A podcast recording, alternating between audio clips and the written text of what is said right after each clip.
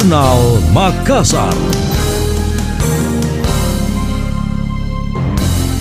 Saya Emil Faris dalam Jurnal Makassar. Dinas Kesehatan Kota Makassar mengirim 11 sampel dari kasus positif COVID-19 ke Litbangkes Jakarta. Kepala Dinas Kesehatan Kota Makassar Nur Saida Sirajudin mengatakan masih menunggu hasil pemeriksaan dari laboratorium. Belum bisa dipastikan sampel merupakan varian Omikron. Dia mengaku Makassar belum punya alat deteksi khusus varian Omikron sehingga sampel yang dicurigai dikirim ke Litbangkes. Disebutkan ada empat rumah sakit yang hanya melakukan screening dan dibolehkan mengambil sampel dan mengirimkan ke Litbangkes, yakni RSUD Dayak Makassar, RSUP Wahidin Sudiro Husodo, Balai Besar Laboratorium Kesehatan, dan Laboratorium Sopeng.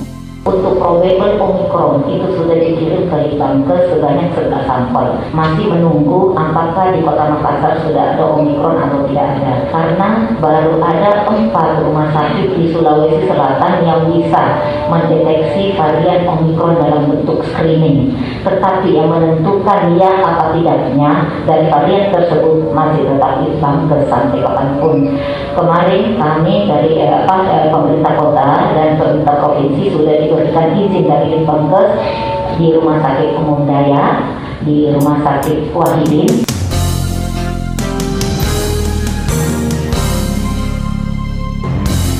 Kepala Dinkes Makassar Nur Saida Sirajudin mengakui kesulitan dalam menentukan ciri-ciri warga yang terpapar COVID-19 varian Omicron. Pasalnya, gejalanya hampir sama dengan flu biasa. Jika mengalami gejala tersebut, disarankan mengikuti pemeriksaan yang tersedia di puskesmas. Anda masih mendengarkan Jurnal Makassar dari Radio Smart FM.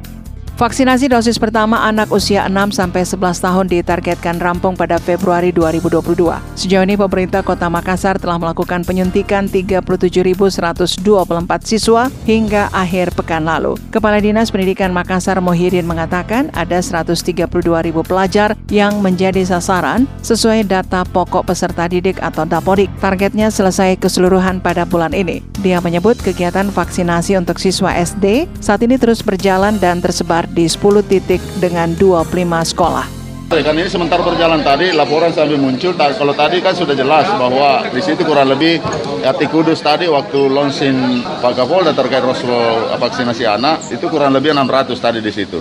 Semua karena ini sementara berjalan. Ini kan serentak di Kota Makassar berdasarkan jadwal yang sudah dikeluarkan oleh Dinas Kesehatan Kota Makassar.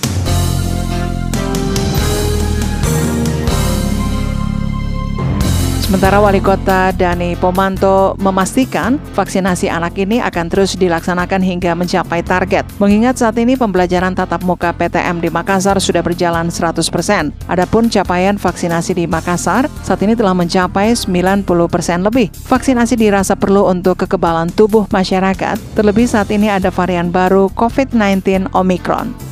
Beralih ke informasi berikutnya, sejumlah pejabat kepala dinas pemerintahan Kota Makassar terkonfirmasi positif COVID-19. Kebijakan bekerja dari rumah atau work from home WFH kembali diterapkan. Wali Kota Makassar Dani Pomanto menyebutkan identitas dua pejabat yang terpapar, yakni Kepala Bapenda Firman Panggara dan Kepala Dinas Kebudayaan Hervida Atas. Sistem WFH yang diterapkan yaitu 50%. Dia menginstruksikan tracing dimaksimalkan dan terus mengevaluasi kondisi kondisi yang ada. Hal itu dimaksudkan untuk mengetahui jumlah pasti pekerja di balai kota yang terpapar COVID-19.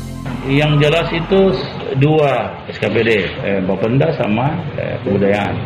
Jadi di tracing kan sudah di anu 50 persen kita mestinya tahu Iya. sudah di WFH. di WFH. Atau nanti kita lihat keputusannya ini. Eh, asisten satu yang pimpin sekarang tracing di pemerintah kota. Dan tadi dia tracing tadi. Seluruhnya, seluruhnya. Iya, WHO. Jadi kan begini, contoh 67 itu empat yang di rumah sakit, semua ringan. Nah, jadi memang seperti diterangkan itu karena vaksin. Jadi buru vaksin saya dulu.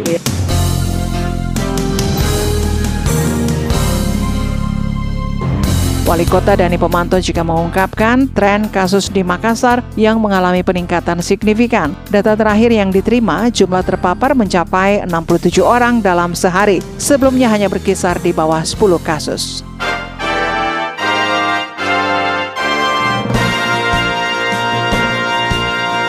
Demikian tadi, Jurnal Makassar.